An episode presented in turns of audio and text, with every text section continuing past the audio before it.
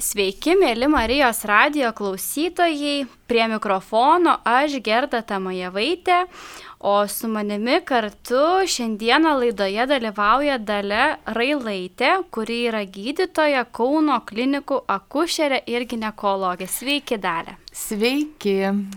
A, tai šiandieną iš tikrųjų mes kalbėsime labai tokia na, įdomia ir manau, kad aktualią temą.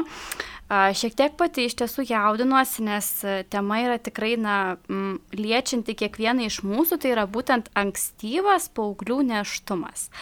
Pradžioj tiesiog, na, manau, klausytojus reiktų galbūt, na, supažindinti, kad e, ankstyvas neštumas ir su juo susijusios komplikacijos bei abortai yra, na, apskritai viena iš aktualiausių paauglių sveikatos problemų pasaulyje. Ir ankstyvasis neštumas ir gimdymas dažniausiai būna neplanuoti ir nepageidaujami ir neretai tiesiog baigėsi abortu. E, kaip Jūs manote, kas turi būtent įtakos na, tam didėjančiam paauglių neštumų ir abortų skaičiui? Žinot, vienas dalykas, ką reikėtų tikrai pasakyti, kad paauglių ir net vaikų neštumai tikrai jie visada buvo ir realiai jie turbūt visada ir bus, nes yra susijęs su labai tokia nevaldoma, mm, ir tai yra jausmai. Ar tai yra jausmai? Ir mes suprantam, kad, kad e, paauglystėje sekti savo jausmais yra labai viliojantis dalykas. E, jeigu taip atidomumo dėliai, tai mm, pati jauniausia pasaulyje gimdyvė, bent jau šiuo momentu laikoma, kad tai yra jauniausia, iš tiesų yra šokiruojančio amžiaus, tai yra nepilnai šešių metų. Tai buvo 30, turbūt trečiais metais, gal 30, nu, truputį aptarp, kažkur ketvirtam dešimtmetį tai buvo Perų gyventoja Lina Medina ir jinai buvo išoperuota, nustačius neštumą, kas iš pradžių buvo palaikyta augliu. Ir jos berniukas gyveno, paskui jisai mirė 40 metų nuo, nuo kraujo lygos, o pati Lina Medina dar sukūrė šeimą, turėjo vaikų ir mirė visai neseniai gana garbiam amžiui. Taip niekada ir nepasakiusi, kas buvo jos tokio ankstyvo neštumo tėvas e, e, vyras, žodžiu, kuris ją apvaisino ir tai yra tokia, tokia labai e, keista istorija visais aspektais. Jeigu mes kalbėtumėm apie Lietuvą, Tai tokių jaunų mes tikrai Lietuvoje neturėjome. Na, aš, esu, aš kaip gydytoja per savo daugelio metų patirtį mačiau ne vieną 13 metę, ne vieną 14 metę, pati jauniausia buvo 11 metų mergaitė. Ir tai tikrai yra problema ir jos priežasčių mes galime, galime surasti net ne vieną. E, realiai turbūt reikėtų pradėti kalbėti apie tai, kad vis tik tai ta socialinė dirba, kurioje mergaitė auga, yra vienas iš pačių svarbiausių dalykų ir ta socialinė dirba, gal aš taip ją labai apibendrintai vadinu, tai yra ir šeima, ir globos ar, ar netikra šeima, sakykime, institucija, ta socialinė aplinka yra ir jos draugai, bendramžiai. Ir čia turbūt nieko nenustebinsiu pasakydama, kad ten, kur, e, kur vaikai auga ugdymo e, įstaigose, na dabar jau aišku labai keičiasi ta situacija, yra bandoma kurti tos, tuos namus primenančius, reiškia vaikų globos namus. Bet žinote, e, realiai vis tiek, jeigu net šeimoje, kurioje vaikai auga, atrodo tarp abiejų tėvų ir pakankamai materialiai aprūpinti, kur yra rūpinamės ir ką jie veikia, ir kaip jie mokosi, nutinka įvairiausių dalykų.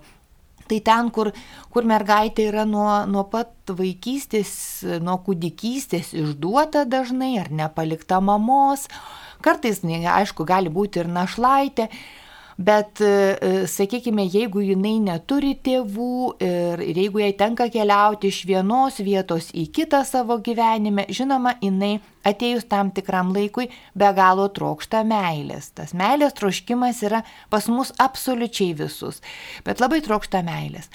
Tai, e, taigi jos dažnai pasuka tuo keliu ieškodamos meilės ir žinoma, tuoj pat suranda, kas joms tą pseudo meilę pasiūlo.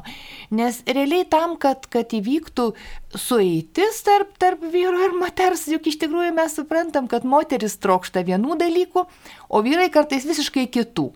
Taigi, va, tai yra turbūt viena iš pačių pažeidžiamiausių grupių, tai yra mergaitės, kurios auga ne šeimoje arba ta šeima kažkaip nuolatos kinta. E, kita grupė tai yra tos mergaitės, kurios auga šeimoje, tačiau ta šeima socialiai yra, na, paskendusi žalingose įpročiuose, kur tėvai girtauja, kur eina nuolatos įvairūs vyrai namuose, kur vaikai iš tikrųjų yra neapginti tiek nuo smurto, tiek nuo pirmalaikio tokio ankstyvo seksualinio tokio suėjimo ir išžaginimo ir prievartos. Tai šita, šita grupė taip pat yra labai, labai jautri ir iš jos irgi kyla pakankamai daug ir tokių, na, nenorimų tų neštumų, kur visiškas nesuvokimas e, situacijos, kas vyksta, bet taip pat ir, ir tokių, e, na, e, sakykime, su sutikimu vykstančių dalykų, tų susitikimų, su sutikimu mergaitės vykstančių lytinių santykių.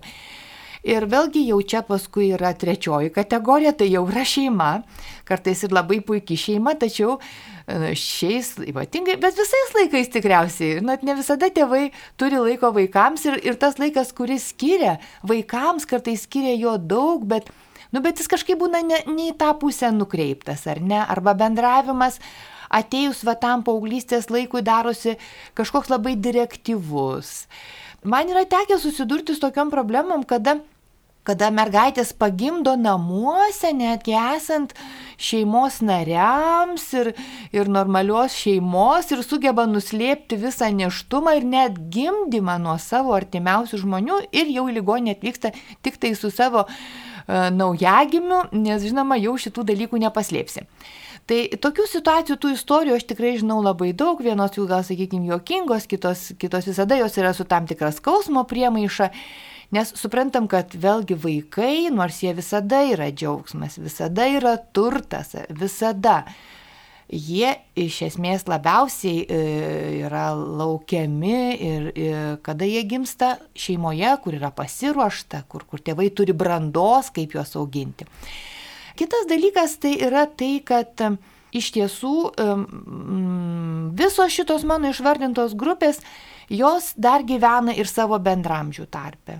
Ir tai, kas yra šiandien be galo sudėtinga, tai yra ta visa socialinių tinklų situacija, kur nereikia net bendramžių, nereikia net to, to žmogaus atstovo kūno ar ne, kad socialiniuose tinkluose egzistuoja labai labai dideli pavojai būti pagautai, apgautai, na ir iki, iki neplanuoto neštumo ir kuo jisai po to gali baigtis.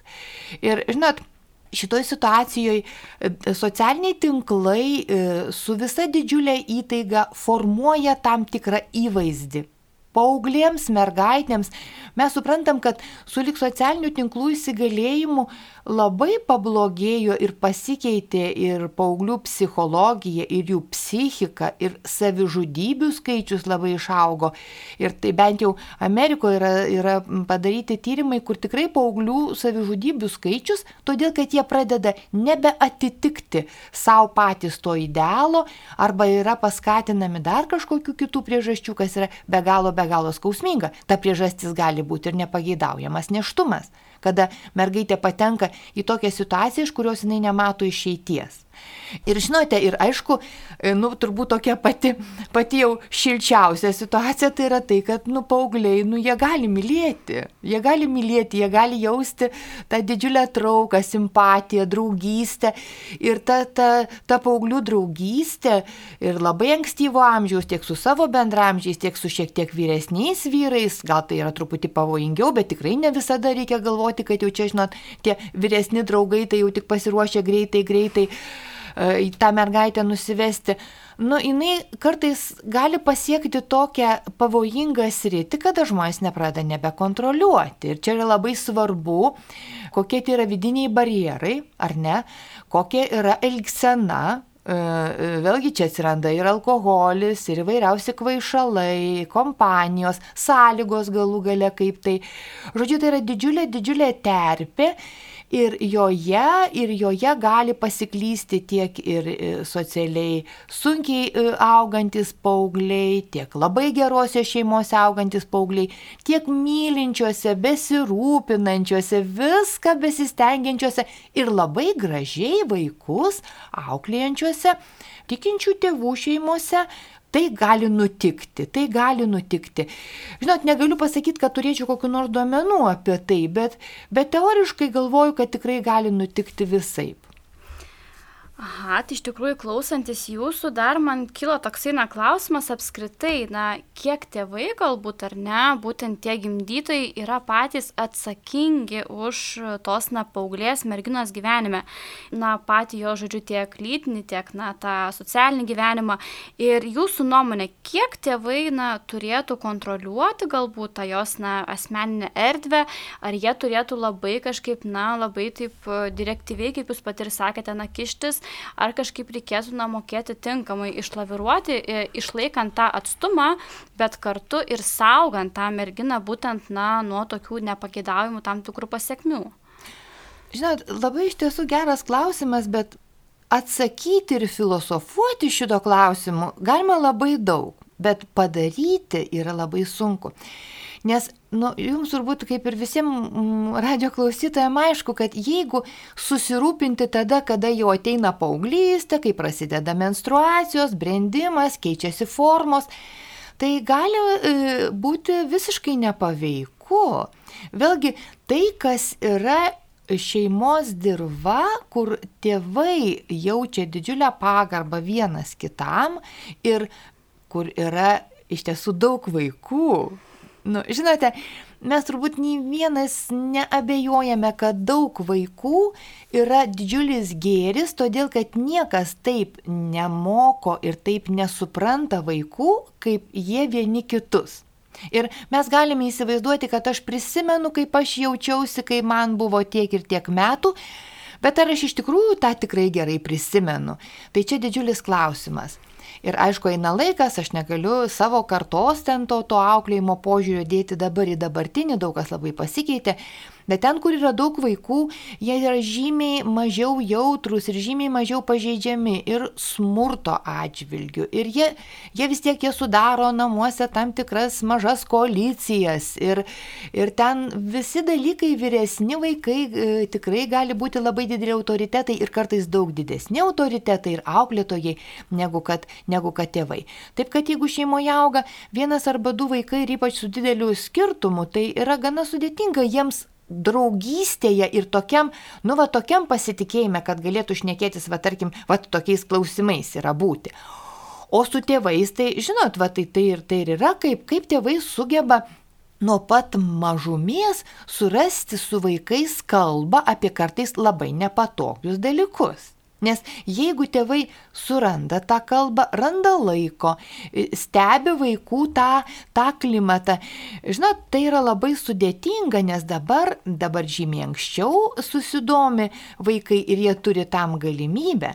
Dabar apie tą kontroliavimą, vat, kad, žinote, aišku, kad iki tam tikro amžiaus tėvai turi labai labai kontroliuoti vaikų ryšius, kur jie nardo socialiniuose tinkluose, ką jie žiūri, kiek laiko.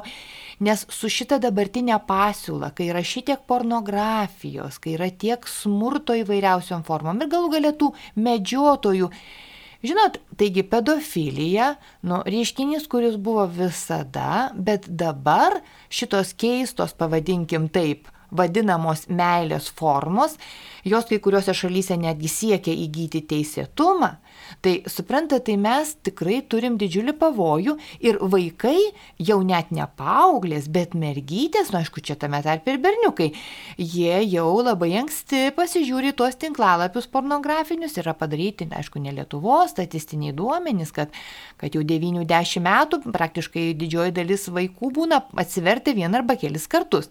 Tai jūs įsivaizduojat, kokį siaubą jie ten gali pamatyti, kokias gali padaryti išvadas. Galų gal yra tie patys bendramčiai, jeigu tu nežiūrėjai, tai tau toj pat gali pasakyti. Ir jeigu pas tėvus yra geras ryšys su vaikais ir vat jie, nu, taip gražiai naiviai atėjo ir pasako, pasipasakoja tuos visus dalykus, tai tėvai tikrai gali gražiai, nu ne tai, kad fui fui, tu čia jokių būdų, tu čia nesąmonė, žodžiu, nei draudimas, nei paniekinimas vaiko, nei to informacijos šaltinio, kuris vaikui buvo, tikrai niekada neduos, neduos rezultatų. Ir va tas, jeigu tėvai e, gali kalbėti su vaikais pačiom sunkiausiom, kembliausiom, nemaloniausiom, keiščiausiom, neprimtiniausiom temom, tai atėjus laikui, aišku, šitą reikia sustiprinti. Ir be abejo, kad kiek, ta, kiek gali, kiek turi būti ta kontrolė. Žinot, kai aš matau daugybę dalykų, tai man atrodytų, kad taip, ta kontrolė turi būti, bet čia vėlgi vaikas vaikui nelygus ir kontroliuotojas kontroliuotojui nelygus. Iš tiesų, kiek e, tėvai turėtų vis tiek kažkaip suprasti, kiek, kiek jų santykiai gali būti grįsti pasitikėjimu. Bet žinot, apskritai apriboti vaikų vaikų buvimą socialiniuose tinkluose, telefono mylavimą, prie, sėdėjimą prie kompiuterio yra nu, būtinybių būtinybė, nes jie iš tiesų pasitraukia iš realios erdvės, išeina į virtualią, o toje virtualioje erdvėje galima rasti visokiausių dalykų ir bendravimas, kaip rodo gyvenimas, ar nelabai nukenčia. Tai tikrai Bet čia sakau, čia yra procesas, čia yra toks procesas, kuris, čia žinot, tokios investicijos yra. Kiek laiko tu gali investuoti mylėdama žmogų, tai panašiai taip ir, ir ta, tas, tas meilės ryšys ir vystosi. E, ir taip pat kaip ir kiek laiko tu gali, kiek tu laiko skiri pažinti Dievą, ar ne, kiek tu laiko skiri maldai, tiek iš tiesų tu, tu patirsi ateinančios malonės, kuri kartais galbūt tokius klausimus tau atsakys ir apie tos pačius vaikus, ar ne? Ir kad ta malda už vaikus, ta mamų malda už vaikus, močiučių malda už savo anūkus. Tai yra, tai yra negi mažos aukos, nu, žinote, mažos aukos, maži atsižadėjimai ir suaugusių žmonių už savo vaikus, už savo anūkus. Aš tai dažnai, vat, moterim su viršsvariu pasakau, sakau, nu, vat, pavyzdžiui, jūs Nu, paimkite ir paukokit savo vieną maistą, va dėl to, kad jūsų ten anukėlis ar vaikas neišklystų iš doros kelio ir jūs tada pamatysit, kaip kartais sunku atsisakyti, tai kaip jiems atsisakyti to, ką jūs norite jiems uždrausti. Ar ne? Nu, va tada ant to savo kailio labai gerai tu viską patiri, tada daraisi atlaidesnis. Bet ta, tos aukos tokios, jos iš tiesų, iš tiesų yra tikrai labai labai reikalingos. Grįžtant dar iš tikrųjų na, prie tos mūsų temos, ar ne, tai būtent Pasaulio sveikatos organizacija Europos padalinio ataskaitose e, tiesiog na, jie priskiria paauglių lytinius santykius e, prie sveikatai rizikingo elgesio apskritai. E, taip pat, kaip ir jūs minėjote, na, iš esmės tai yra susiję ir su alkoholio, tabako bei narkotikų vartojimu. Tačiau dabar norėčiau šiek tiek pakalbėti apie na, tos vadinamosius lytinius švietėjus, kurie būtent propaguoja laisvą pasirinkimą ir reklamuoja būtent apsaugos nuo neštumo priemonės.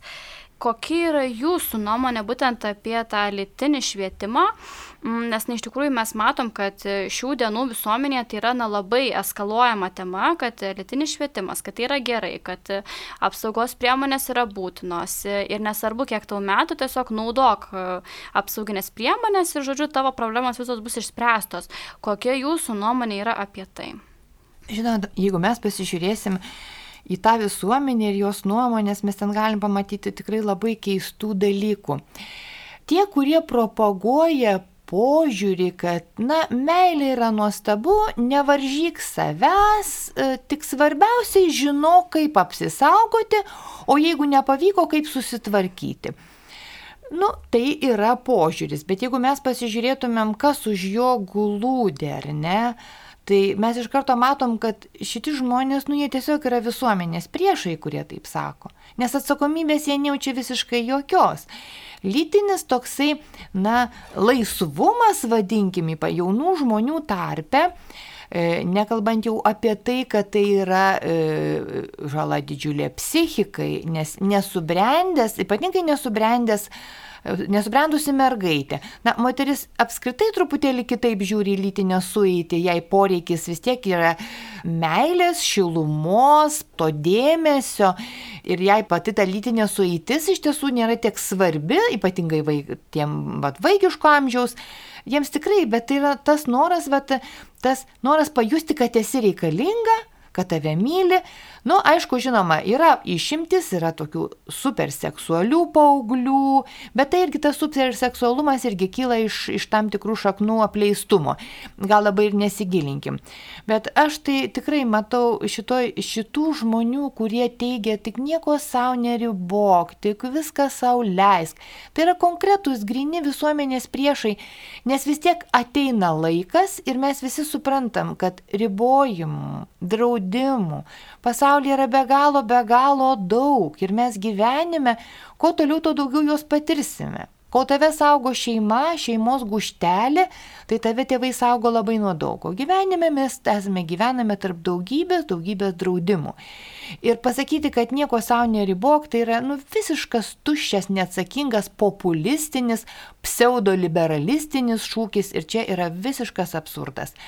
Iš tiesų, taip, tai yra viena iš iš nuodėmių netgi ar nepaleistuvystė, tai mes suprantam, kas už šito stovi ir mes suprantam, kad stovi už jos propaguotojų. Bet dabar jeigu mes kalbėtumėm apie patį tą lytinį švietimą ir kaip, kaip atsvarą lytinį ūkdymą, tai žinot, apie lytinio ūkdymo pagrindą ir pradžią mes jau su jumis aptarėm, tai yra šeima. Tai yra šeima. Ir dabar kodėl tas lytinis ugdymas, va, jisai toksai pasidarė aktualus kaip institucijų, ten tarkim mokyklų, todėl kad atsirado lytinis švietimas.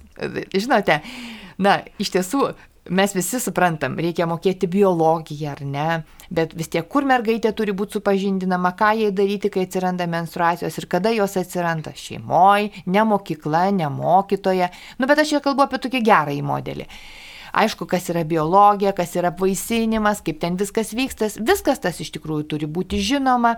Tikrai e, kalbėti apie tai ūkdymo institucijose, aš manau, kad e, net jau esant tokiam vad idealiam modeliui, kada tai yra, kada tai yra šeimoje geri santykiai ir, ir šeimoje vyksta taip pat tas ankstyvas įvedimas į besikeitinti gyvenimą, Tai realiai vis tiek turbūt, kad taip, nes, nes yra ypatingai, jeigu žmonės moka vesti tuos, tuos mokymus, jeigu jie pakankamai patys yra moralūs, taip, jeigu jie tikrai turi gyvenimišką, gražią, šviesaus gyvenimo patirtį, atitinkamai gali, na vėlgi, pagal amžių suprasti jų problemas, viskas tas yra labai labai gerai, bet jūs suprantat, kad realiai tai gyvendinti yra gana sudėtinga.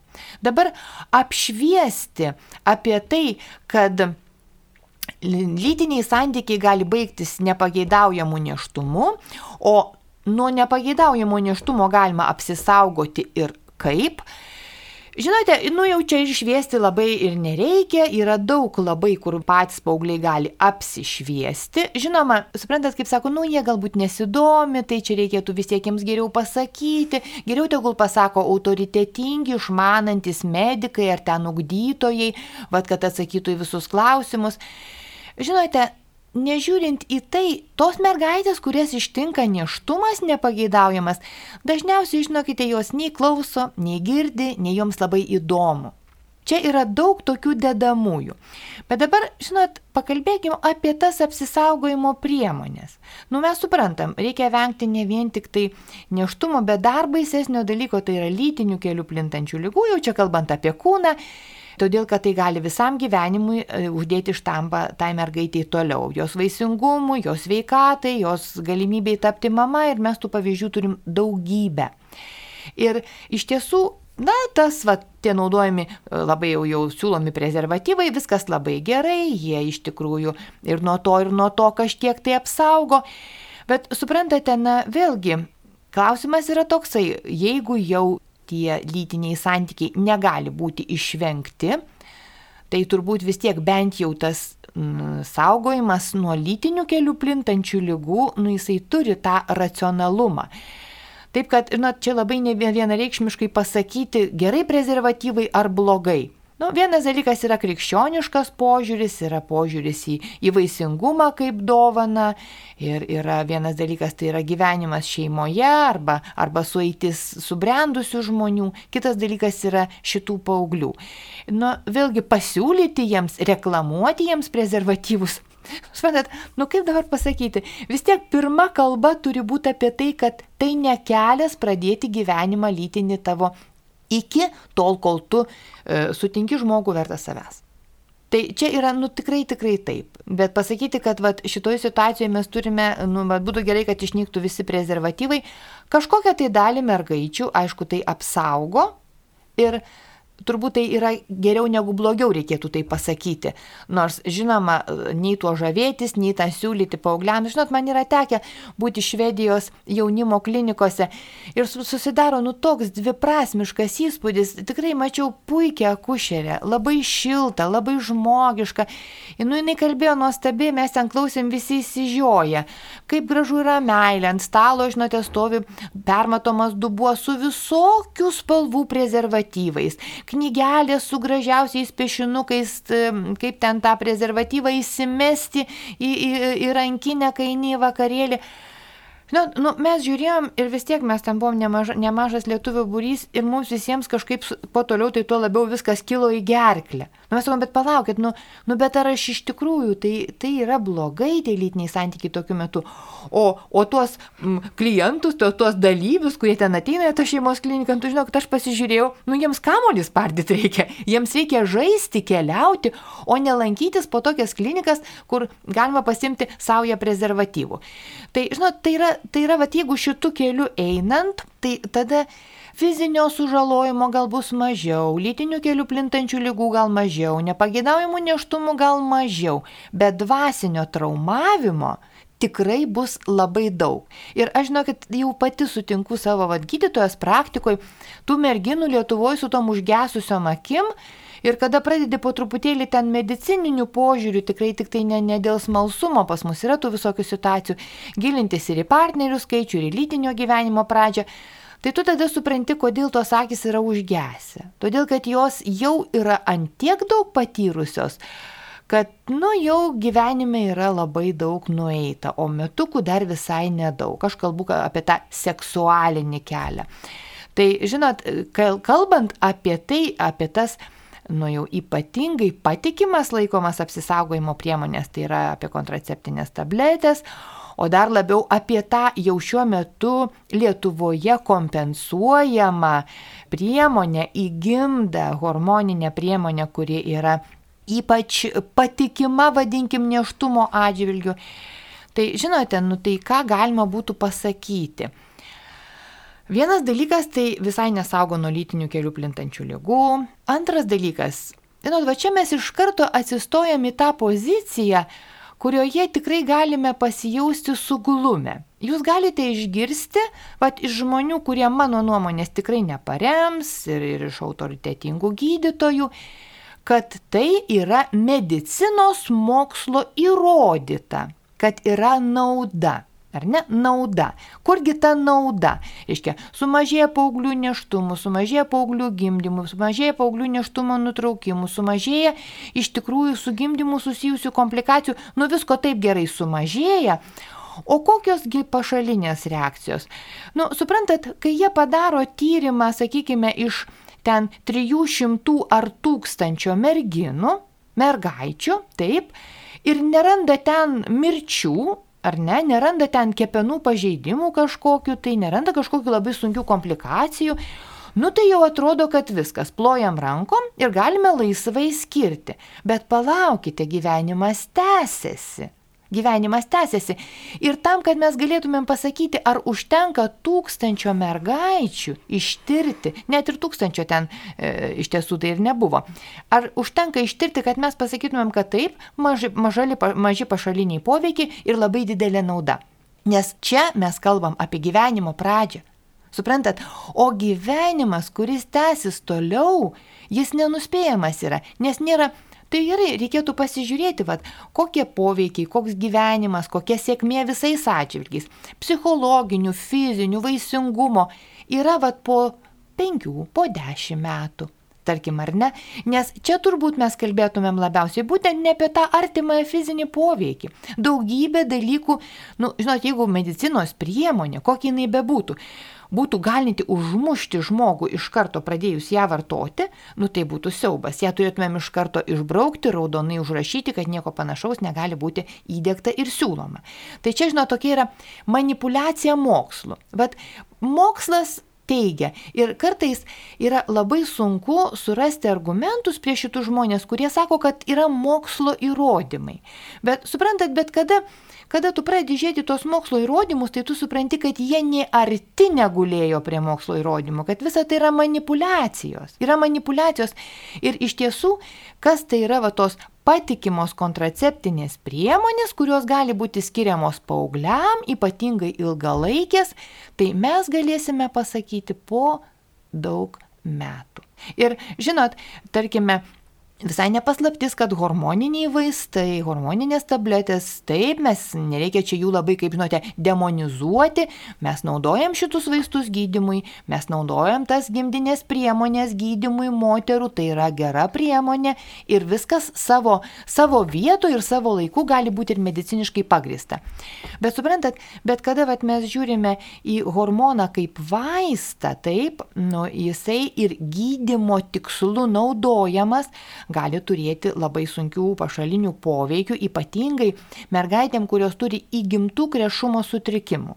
Yra tokie dalykai, nes šitos kontraceptinės sudėtinės tabletės, kurios geriamos yra, jos didina kraujo krešumą ir e, gali sąlygoti krešulių susidarimą, netgi jų nukeliavimą į plaučius. Na, tarp paauglių man nėra tekę girdėti, kad tokių dalykų būtų, nes kaip ir Lietuvoje tai nėra labai populiaru. Suprantat, nu tai nėra tokie va tie paaugliai, tie didieji vartotojai. Bet tarp jaunų moterų, kurios yra visiškai, visiškai sveikos, moterų, kurios dėl kontraceptinių priemonių naudojimo atsidūrė reanimacijoje, na, iki mirties turbūt taip pat yra buvę, bet aš jau dabar nenoriu nei savo galvoje atminties kasti, nei, nei apskritai čia gazdinti, nes vis tiek mes, mes tos vaistus naudojam. Bet šitie krešumo sutrikimai, jie yra nelabai dažnai pasitaikantis, bet pakankamai, kad mes galėtume būti atsargus. Ir žinot, va čia taip ir gaunasi - manipuliuojama mokslo įrodymais. Ir tas yra labai baisu, todėl kad Tai yra daroma be atsakomybės. Suprantat, mes turime kalbėti apie kiekvieną konkretų vaiką. Ir kiekvienas konkretus paauglys, koks jisai bebūtų, ar asocialios šeimos, ar visai be tėvų, vis tiek jis yra turtas. Ar ne? Ir jisai gali pakeisti savo gyvenimą. Mes žinom daugybę istorijų ir jisai vis, visada yra brangus. O šitie žmonės žiūri labai paprastai. Jie nori Jie kalba apie rodiklius, suprantat, jiems yra svarbu rodikliai. Taip, paauglių neštumai yra šalies įsivystimo lygio rodiklis, tikrai taip, ir mes turėtumėm jų turėti kuo mažiau, kaip ir paauglių gimdymų. Bet suprantat, bet ką tai kalba apie mus, kaip apie tautą, kaip apie visuomenę. Mes iš tikrųjų tikrai neturėtumėm tam pasiduoti. Ir vėlgi noriu pasakyti, ir taip, bet vis tiek yra labai siaura kategorija mergaičių, kuriem gali būti taikoma bet net ir kraštutinė priemonė. Todėl, kad visgi jeigu mes įsivaizduojam, kad vaikas darys abortą po aborto arba nužudys savo vaikelį, tai yra tikrai labai baisu. Ir čia jau, čia jau iš karto atsiranda naudos ir, ir, ir rizikos santykis. Mhm. Taip pat iš tikrųjų klausantis jūsų, na vėlgi, noris iškelti tokį klausimą, kad na vis tik tie vadinamieji lytiniai švietėjai, būtent lytinį patį malonumą ar ne, iškelia kaip pagrindinį ir svarbiausią lytinių santykių tikslą. E, todėl, na, tokios savokos, kurios yra susijusios su lytiniais santykiais, kaip, na, santokinė meilė, gyvybės pradėjimas, yra tiesiog, na, panaikinamos arba eliminuojamos apskritai iš jų, taip sakant, kalbos kai lytiniai santykiai yra atsiejami nuo santoko, šeimos, e, vaikų gimimo, ar tai na, turi poveikį ankstyvam neštumui vis tik, kai tiesiog na, yra skelbiama, kad, na, kad nereikia, žodžiu, mums tos va būtent meilės, gyvybės, o tiesiog tai čia žinoma. ir dabar gera ir viskas. Žinoma, kad taip. Suprantat, kuo daugiau visuomenė plaukioja tokiuose malonumo jūrose, kad tik malonumas, nu, malonumas, bet tas malonumas netaip jau ilgai ir trunka. Realiai, ar ne? Nu, bet galų galę mes gal čia šitų dalykų negvildensim. Žinot, aišku, čia yra lygiai tas pats, čia mes visą laiką kalbam labai labai panašiai, atsukamės apie tą patį. Žinot, aš vis tiek, kadangi tai yra Marijos radijas, aš vis tiek norėčiau Bet ir tą tokį, nu, tą religinį truputėlį aspektą. Mes turim nuodėmę ir mes suprantam, kas už jos stovi. Taigi mes labai gerai turim suprasti, kas stovi už tų, kurie siūlo malonumą iškelti į Dievo vietą. Tada ir viskas pradeda darytis labai labai atsistoja į savo vietas. Ir e, aišku, kad vėlgi grįžtų prie to, ką, ką mes jau su jumis aptarinėjom, kada, kada vaikai mato šeimoje tą, tą santokinę meilę ir kada tai jiems yra atrama, kada jie, jie brangina savo šeimą, kada tai yra jiems pavyzdys, jiems yra lengviau įtvirtinti tą dalyką kaip nuostatą. Suprantat, ir tada, tada tokiam vaikui, kuris augo gražioje šeimoje ir visą laiką matė tėvus savo meilėje, ar ne, Aišku, nu, kiek tas vaikas gali tą matyti, savai mes suprantame, turbūt visi supranta, apie ką aš kalbu. Jam tie pasakymai, e, kad čia meilė tik tai santokoj, kad čia santoka apskritai nėra labai jau vertinga, truputį su vienu, truputį su kitu, truputį su vyru, truputį su moterim. Tai suprantat, jam šitie dalykai iš karto nu, atmetimą duos. Ir tai tikrai e, vėlgi ne, negalima atsijėti nuo, nuo tikėjimo, nuo, nuo Dievo siūlomo kelio, nuo, nuo Evangelijos, nuo Jėzaus Kristaus, nuo to, ką jisai kalbėjo. Ir, nu, čia yra labai daug dalykų, bet vėlgi e, suprantama, kad kai kur jie gali būti argumentas, kai kur jie visiškai negali būti argumentas. Taigi aš siūlau, e, iš tiesų ir, ir aš pati taip galvoju, kad tie žmonės, kurie labai žavisi tuo lytiniu švietimu ir paaugliams dalinimų kontraceptikų ir visa kita, na, jie yra įkvepiami tamsiųjų jėgų ir iš tiesų tai tų tamsiųjų jėgų yra, tikslas yra aiškus, tai yra sunaikinti žmogų kaip Dievo paveikslą. Kaip Dievo paveikslą, kuris turi laisvą valią, ar ne, ir gali pasakyti ne. Ne, aš renkuosi.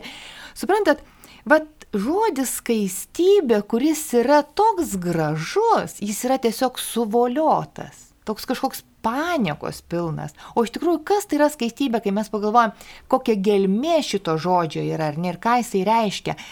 Tai žinote, tai, tai tikrai yra labai skausminga, kada tu matai, kada tu matai, kaip tie vaikai, kaip tos mergytės, Žinote, man tekia yra ne, ne vieną tą, tą neščią mergytę matyti ir Ir visokių tų istorijų yra buvę.